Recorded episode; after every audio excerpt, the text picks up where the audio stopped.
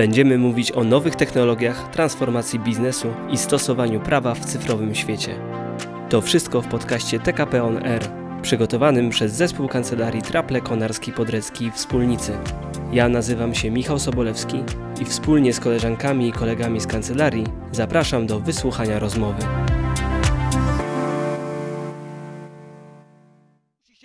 Ekipie Mad Dogs Pack. Jeżeli teraz tego nie zrobią, to nie wierzę, że będą w stanie to zamknąć, ale tylko Leman dzieli ich od zwycięstwa, tylko jeden zawodnik. Jak tworzyć tę historię, jak robić to furorę i Mad Dogs Pack jest tego właśnie blisko, bo mogą być dowodem, że 75% skuteczność w finałach Polskiej Ligi Sportowej stanie się faktem i to będzie ich kolejny tytuł. Jednak Mad Dogs Pack nie poddali się po tym daście, po daście, który na pewno bolał, po 47 rundach pełnych skupienia, pełnych porażek i sukcesów, jednak teraz na Vertigo, na tej trzeciej mapie dowiedli, że po raz kolejny to oni są mistrzami PGE Dywizji Mistrzowskiej Polskiej Ligi Sportowej w sezonie je, wio, jesień 2021.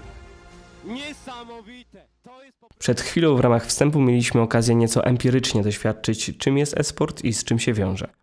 Przedstawione nagranie, udostępnione dzięki uprzejmości Polskiej Ligi E-Sportowej, pochodziło z finału rozgrywek PGE Dywizji Mistrzowskiej 2021.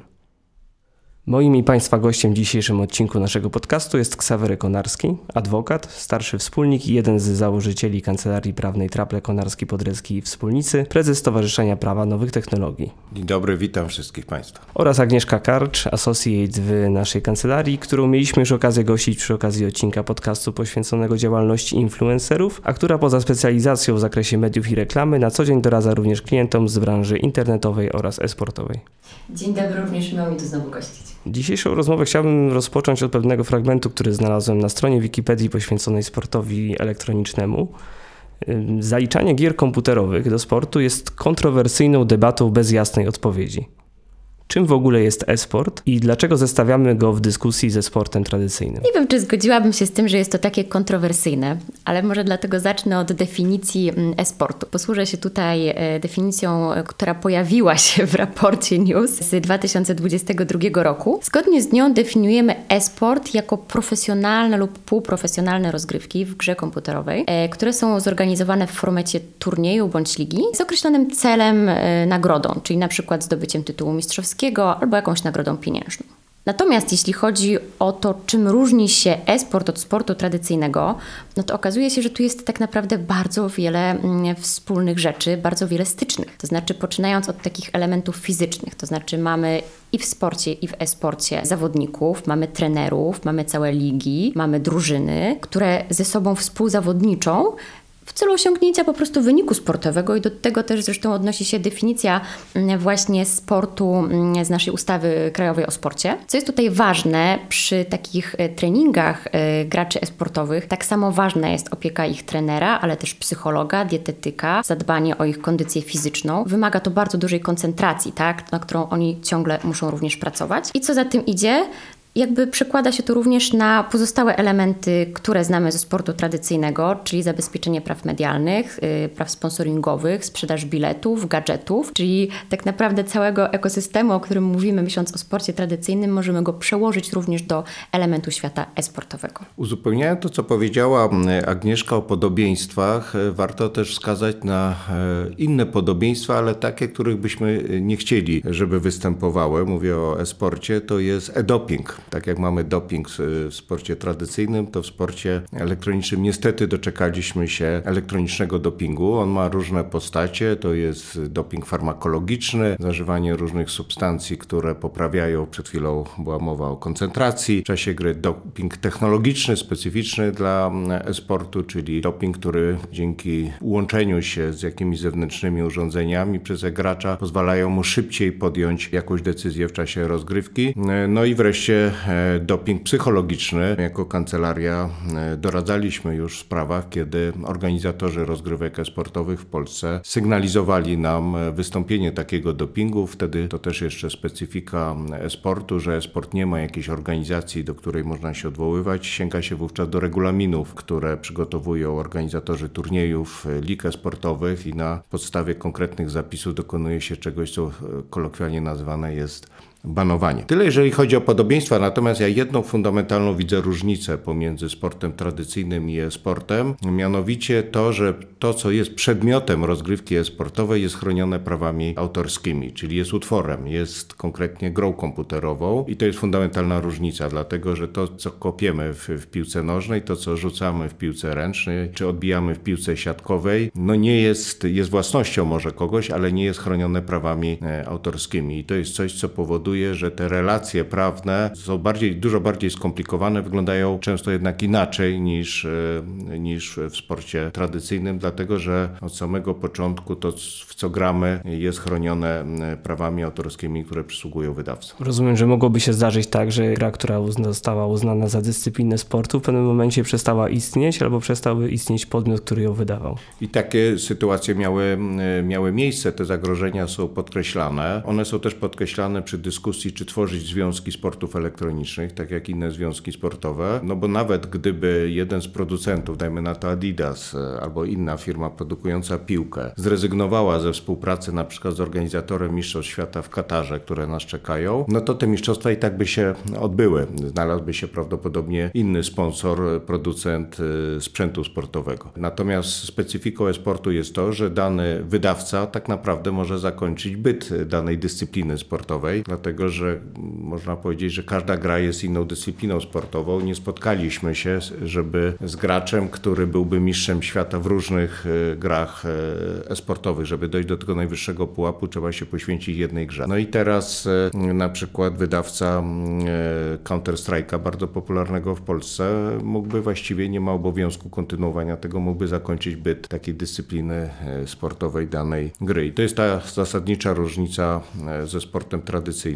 Jest jeszcze jedna, która trochę nam umyka, mianowicie, że e, sport e, tradycyjny powstał w celach przede wszystkim rekreacyjnych, amatorskich. Inaczej jest ze sportem. E-sport od samego początku jest komercyjny i on jest po prostu traktowany jego istotą, jest promowanie przez wydawców, czyli podmiotów praw do gry, promowanie danych gier, czyli e-sport powstał założenia jako przedsięwzięcie biznesowe, za którym stali wydawcy gier, którzy traktują to jako jedną z podstawowych form promowania ich gier. Żeby była jasność, nie ma w tym nic złego, ale warto o tym przy dyskusjach aksjologicznych i porównaniach sportu tradycyjnego i e-sportu o tym pamiętać. Absolutnie zgadzam się tutaj z Ksawerem. Jakby istotą biznesu esportowego jest rzeczywiście to, że u jego podstaw jest y, sprzedaż y, rozwiązań cyfrowych, które przekładają się również na doświadczenia cyfrowe odbiorców, czyli widzów.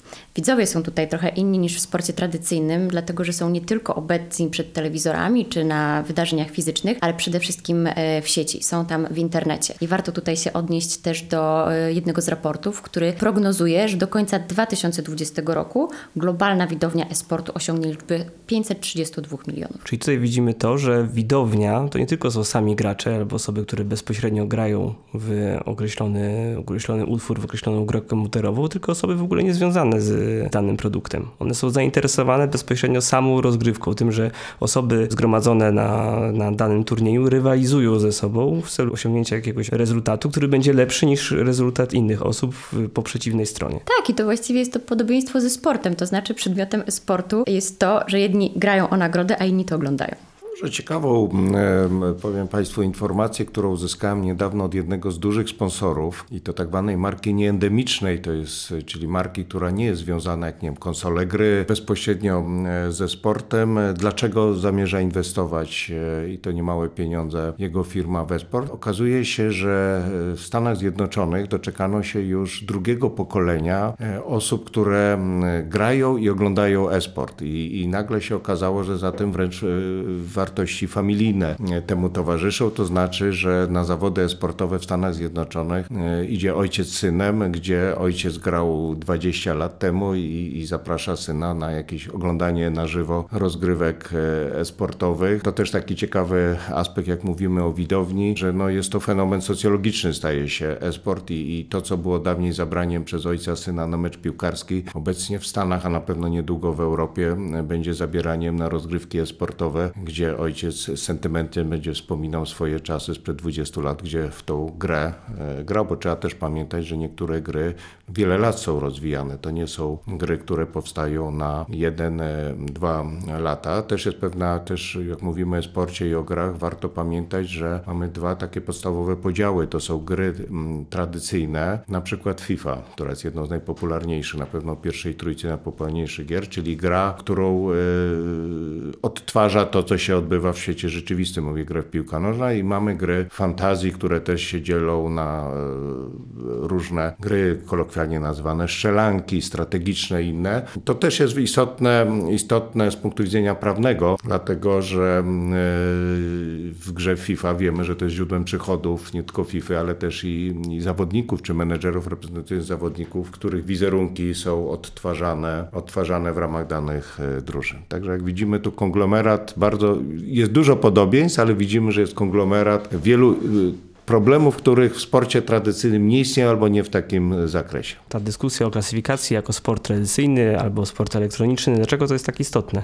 Sport tradycyjny jest regulowany między innymi albo przede wszystkim ustawą o sporcie. Sport tradycyjny doczekał się też szeregu przywilejów w innych aktach prawnych niż ustawa o sporcie. Na przykład dla sportowców przewidziane są niższe stawki podatku od nagród, są pewne ułatwienia w zakresie rozwiązań ZUS-owych. Wreszcie sport tradycyjny może być dotowany w sposób szczególny na przykład przez e, jednostki samorządu terytorialnego. Tych przepisów jest znacznie więcej. E, w związku z tym zasadne jest pytanie, czy coś, co jest sportem, ale z przedrostkiem E, również mogłoby z tych przywilejów skorzystać. I to jest właśnie ten moment, który mamy obecnie w Polsce, ale nie tylko w Polsce, też w innych krajach Unii Europejskiej czy w Azji, bo Azja jest kolebką e-sportu, szczególnie południowa Korea. Ta debata tam się toczy. Czy sport elektroniczny powinien być regulowany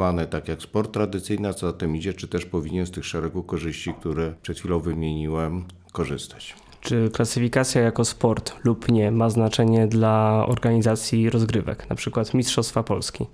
W danej dziedzinie. Fundamentalne, fundamentalne, dlatego że w ustawie e, o sporcie prawo do organizowania Mistrzostw Polski, e, Pucharu Polski, e, rozgrywek ligowych, czy nawet powoływania kady narodowej, to, to uprawnienie jest przypisane wyłącznie Polskim Związkom Sportowym, na przykład Polskiemu Związkowi Piłki Nożnej, Polskiemu Związkowi Siatkówki i szeregu, szeregu innym. To nie jest tak łatwo sobie powołać taki związek związek. Y, przepisy to regulują, a najważniejsze jest to, że konieczne jest wydanie decyzji przez ministra y, sportu, więc nie każdy może sobie taki związek powołać. Stąd też pytanie, czy w takim razie nie powinniśmy się zastanowić nad powołaniem Polskiego Związku Sportów Elektronicznych na takich zasadach jak Polski Związek Piłki Nożnej. A co za tym idzie, czy nie powinniśmy y, potem stworzyć ekstraklasy drużyny narodowej, na przykład w League of Legends czy w, w Counter Strike'a. To jest dylemat, nad którym się teraz zastanawiamy. Ja akurat jestem zwolennikiem e, tego, żeby nie połować Polskiego Związku Sportów e, Elektronicznych, dlatego że widzę tutaj szereg różnic w stosunku do tych przed chwilą wymienionych dyscyplin. Podstawową różnicą jest to, że e, mamy inny łańcuch wartości we sporcie. Piłkę,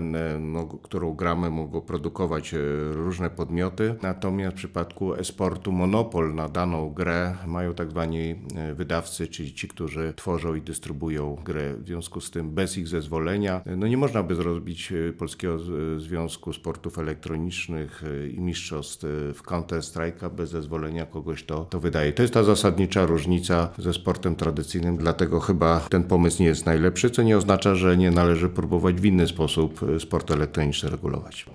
Wspomniałeś o łańcuchu wartości i chciałem zapytać, kto wchodzi w skład ekosystemu e-sportowego na poszczególnych jego szczeblach? To jest to, co bardzo z nas swojego czasu, jak zaczęliśmy się z Agnieszką interesować e, e-sportem, zainteresowało. To właśnie ten rozbudowany e, łańcuch e, wartości. Zajęło nam to trochę czasu, żeby odkodować poszczególnych, jakbyśmy powiedzieli z angielska, stakeholderów. Na pewno na szczycie tej piramidy są wydawcy, którzy tworzą grę. Oni są określani jako wydawcy, czasem deweloperzy, ale to są ci, którzy mają prawa po prostu do gier i traktują e-sport jako formę promocji tych gier wśród y, widzów, a co za tym idzie i użytkowników. Potem bardzo ważną rolę pełnią organizatorzy lig albo turniejów. To są dwa podstawowe formaty, w których rozgrywki e-sportowe są prowadzone. Ligi, też i w Polsce już mamy kilka lig, czy turnieje e-sportowe. Następnie mamy drużyny e-sportowe, no ale ich najważniejszą, a co tym idzie, właścicieli tych e-drużyn, ale najważniejszym oczywiście ogniwem są e-gracze. I tutaj e-gracze mają więcej, widzimy więcej zadań niż tradycyjni sportowcy. To, co jest charakterystyczne dla e-sportu, to to, że e-gracze tworzą tak zwane streamy, streamują swoje rozgrywki, czyli komentują jednocześnie to, w co grają. To jest bardzo atrakcyjne, to jest też źródłem istotnych przychodów dla e-graczy, więc to można powiedzieć, że to są ci najważniejsi w tym łańcuchu, najważniejsze osoby, ale też na świecie, a również i w Polsce widzimy pewną tendencję, że gracze po jakimś tam okresie czasu e, przechodzą w takich trochę innych streamerów i ci inni streamerzy już nie streamują tylko swoich gier, ale komentują granie innych podmiotów.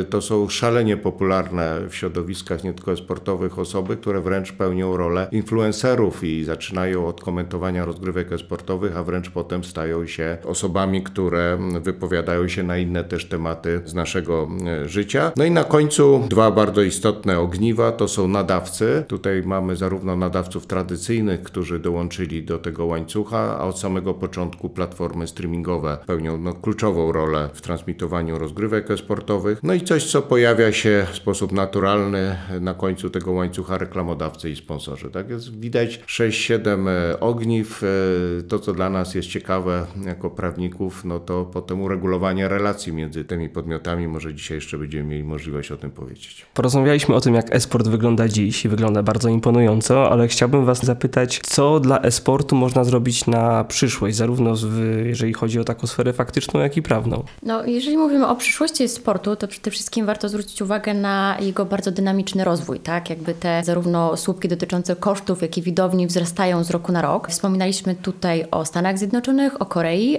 ale warto też zwrócić uwagę, że esport bardzo mocno rozwija się w ostatnim czasie w Europie, również w Polsce. W Warszawie na przykład powstało jedno z pierwszych w Europie Środkowo-Wschodniej centrum e, treningowych esportowych, gdzie przyjeżdża się specjalnie po to, żeby przygotować zawodników przed turniejem. Tak? Oni się zamykają na jakiś czas w takim centrum razem ze swoimi właśnie trenerami, razem z całą opieką i dietetyków i psychologów i po prostu ćwiczą jak y, zawodnicy w sportach tradycyjnych do konkretnego turnieju. Tak? Też trzeba zwrócić uwagę na to, że coraz bardziej esport się profesjonalizuje. Bardzo młode osoby zaczynają y, grać w grę i zaczynają się w tym specjalizować, co wymaga od nich bardzo dużego skupienia i poświęcenia ogromnej ilości czasu, żeby się do tego odpowiednio przygotować, żeby szybko reagować, żeby dogadać się z zespołem, bo bardzo często są to właśnie takie gry zespołowe. Esport i rynek esportowy też zaczyna coraz większy odgrywać wpływ na rynek edukacji. W Polsce jest już kilka kierunków studiów podyplomowych esportowych. Tam między innymi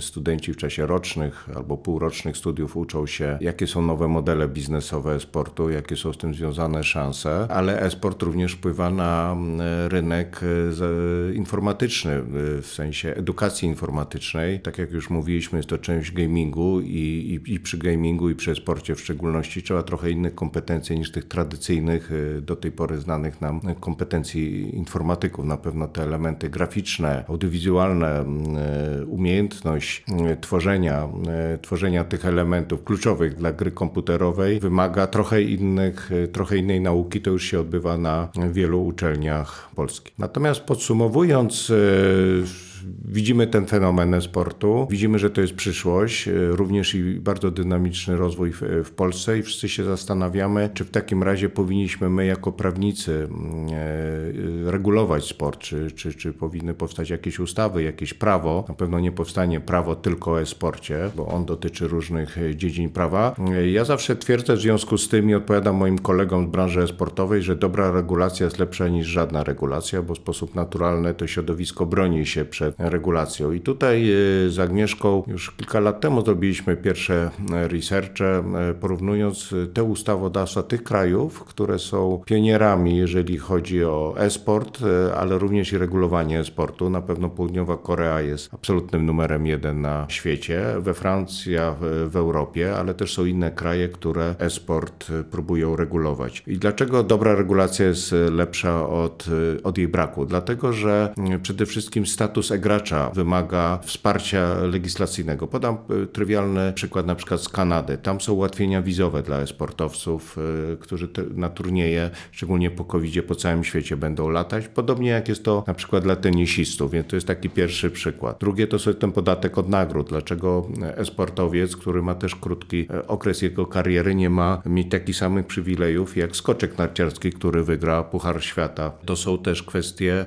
e, świadczeń socjalnych. E, w południowej Korei wręcz państwo reguluje w jakiś sposób treść kontraktów e-sportowych. Agnieszka mówi o tym, że to jest no, zawód, to jest wymagający znanych nam e-sportowców, ćwiczą więcej niż te 8 godzin. W związku z tym jest to normalny zawód, w związku z tym trzeba wesprzeć e-sportowców no, w tym ich budowaniu statusu, też takiego prawnego, pozwalającego im na korzystanie z podobnych rozwiązań, które się już sprawdziły e, w sporcie tradycyjnym. I to jest ta przyszłość regulacyjna i chyba się wszyscy zgodzimy, że w tym kierunku, w tym kierunku również w Polsce powinniśmy zmierzać. Jest jeszcze jeden aspekt, e, który wydaje mi się szczególnie interesujący z takiej perspektywy trochę biznesowej. Dlaczego mm, podjęliście decyzję o zaangażowaniu się właśnie tę gałąź e, rozrywki? Jak w ogóle do tego doszło? Bo, bo e-sport jest rzeczą relatywnie nową,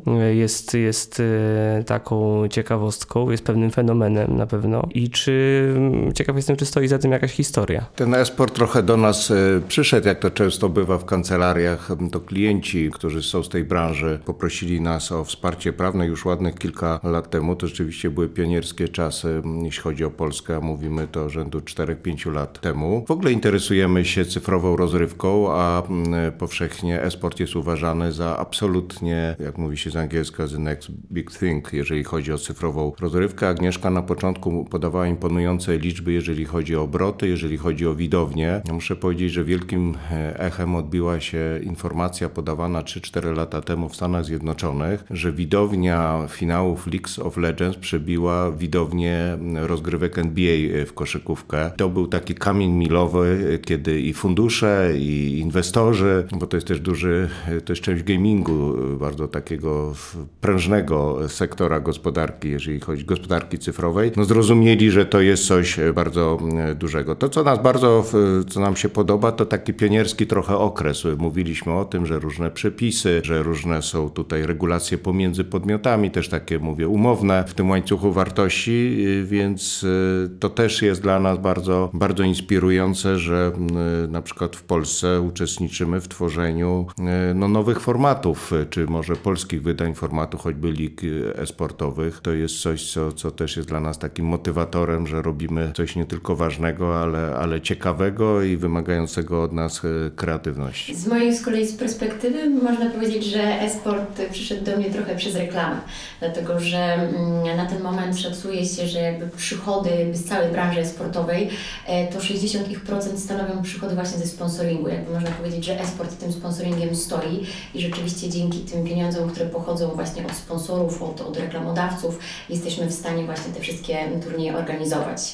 E, więc wchodzą tutaj nie tylko jakby kwestie zabezpieczenia mm, poszczególnych e, jakby tutaj dotacji, czy, czy, czy, czy, przy, mm, o których wcześniej też mówił Ksawery, to znaczy takich e, pochodzących od organów publicznych, jakichś rządowych, ale właśnie tych prywatnych pieniędzy od prywatnych inwestorów, którzy dostają jakby w zamian po prostu promocję, tak, na czym się ten sponsoring opiera i ci gracze, zawodnicy sportowi jednocześnie stają się też właśnie influencerami, którzy promują te rozgrywki i promują tych sponsorów. Ja może jeszcze uzupełnię tutaj to, co powiedziała trafnie Agnieszka, że sponsoring jest rzeczywiście głównym źródłem przychodów, ale szczególnie w czasie COVID-u okazało się, że content jest szalenie istotny, też i content e-sportowy. Było odwołane bardzo dużo rozgrywek w sposób naturalny i choćby w, w polskich wydaniach Eurosportu po raz pierwszy zaczęły się pojawiać transmisje rozgrywek e-sportowych, które tą lukę zapełniały i, i w różnych raportach z którymi się zapoznajemy. Płatny content, czyli licencjonowanie e, transmisji albo online, albo w odtworzeniu transmisji rozgrywek e-sportowych to jest coś, co, co to też będzie odgrywało bardzo istotną rolę. Już jest drugim podstawowym źródłem przychodów, a mówi się, że w przyszłości będzie pierwszym, zastępując sponsoring. I to też dla nas jest bardzo interesujące, dlatego że są bardzo specyficzne umowy licencyjne na rynku mediów sportowych. Ja podam tylko przykład, że czym innym jest e, prowadzenie rozgrywek przez Twitcha na przykład, transmitowanie rozgrywek i to jest inny utwór, a czym innym jest e, na przykład ta sama rozgrywka prowadzona przez tego samego zawodnika, nagrywana kamerami przez e, właściciela na przykład ligi sportowej albo turnieju, który jest nagrywany. Czyli można powiedzieć, że możemy mieć z tej samej rozgrywki tego samego zawodnika do czynienia z dwoma różnymi utworami prawnoautorskimi, audiowizualnymi, które przysługują różnym e, podmiotom. To jest właśnie taki jeden z przykładów tego, co jest dla nas bardzo ciekawe we sporcie i może nawet nieintuicyjne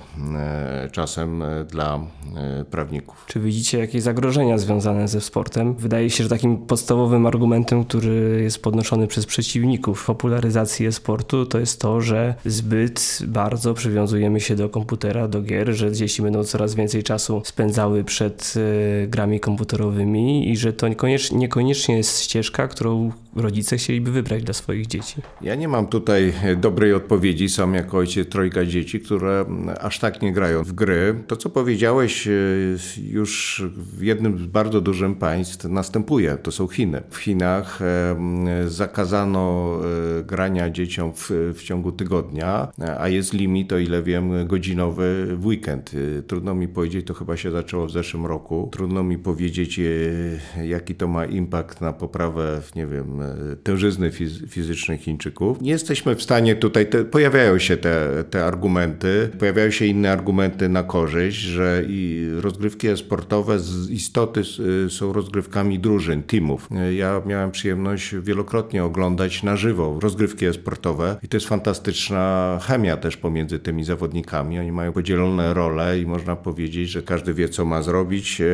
No to tak samo w drużynie sportowej, więc e, są i plusy, i minusy. Ja wskazałem z kolei plus e, z takiego no, team spirit, który, który w rozgrywkach występuje, ale ten argument jest ważki i wielokrotnie go słyszymy. Mówimy o tym, żeby grając we sport też pamiętać, żeby się ruszać, nie tylko, nie tylko myszką ruszać, ale samemu się ruszać. A ja pozwolę sobie z tym troszeczkę nie zgodzić, to znaczy uważam, że ten argument jest o tyle nieprzystający, że kiedy mówimy o tym, że to jest takie siedzenie przy komputerze, niszczenie wzroku, całej postury tak naprawdę ciała, to, to mówimy o, o, o graniu takim bardziej hobbystycznym. Natomiast im bardziej właśnie profesjonalizuje się e-sport, tym bardziej przykładamy tutaj więcej um, uwagi e, w to, żeby on był jakby zorganizowany również profesjonalnie. To znaczy, jeżeli podpisujemy z zawodnikiem kontrakt, prawda, żeby na przykład go zatrudnić do, do drużyny, żeby z nim współpracować, to właśnie my jako prawnicy dbamy o to, żeby przewidzieć tam odpowiednie przerwy e, właśnie na treningi, żeby zapewnić na przykład odpowiednią e, opiekę takiego trenera personalnego, który również będzie dbał o tą tężyznę i o ten ruch, który będzie tam e, istotny, ale również o takie rzeczy jak na przykład odpowiednie krzesło do gry, jak odpowiedni sprzęt,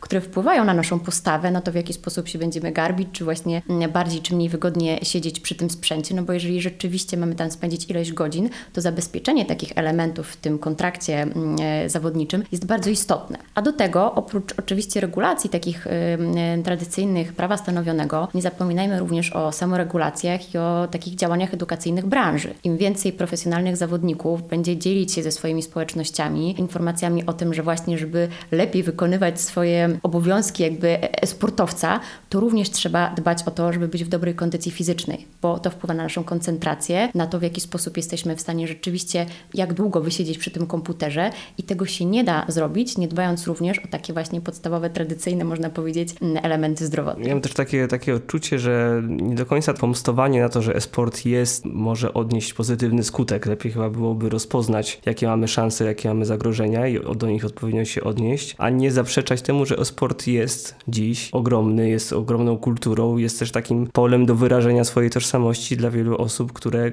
grają i które spotykają się tam ze swoimi przyjaciółmi, zarówno z tymi, których widują na co dzień, ale także z tymi, którzy są na drugim e, końcu świata. Przecież te zespoły graczy to są zespoły międzynarodowe. To nie, to, to nie są drużyny, które są związane stricte z określonym państwem, miastem czy jakąś inną lokalną społecznością, tylko każdy w dowolnym e, miejscu na świecie może spotkać się z inną osobą z innego kraju, wspólnie połączyć wysiłki w jakiejś grze strategicznej, która wymaga właśnie tej współpracy, tego team spirit i e, znaleźć taki sposób dla, dla porozumienia, dla osiągnięcia jak najlepszego rezultatu w tej rozgrywce. Bardzo Wam dziękuję za dzisiejszą rozmowę i myślę, że do sportu jeszcze nie raz wrócimy w, w, przyszłości. Dziękuję Wam bardzo za uwagę. Ja, jeśli mogę dodać jeszcze tytułem takiego podsumowania, może trochę żartobliwie, przestało już mieć, że tak powiem, zastosowanie to powiedzenie częste słyszane przez dzieci od swoich rodziców, to znaczy, no idź się uczyć, bo przecież na grze nie będziesz zarabiać.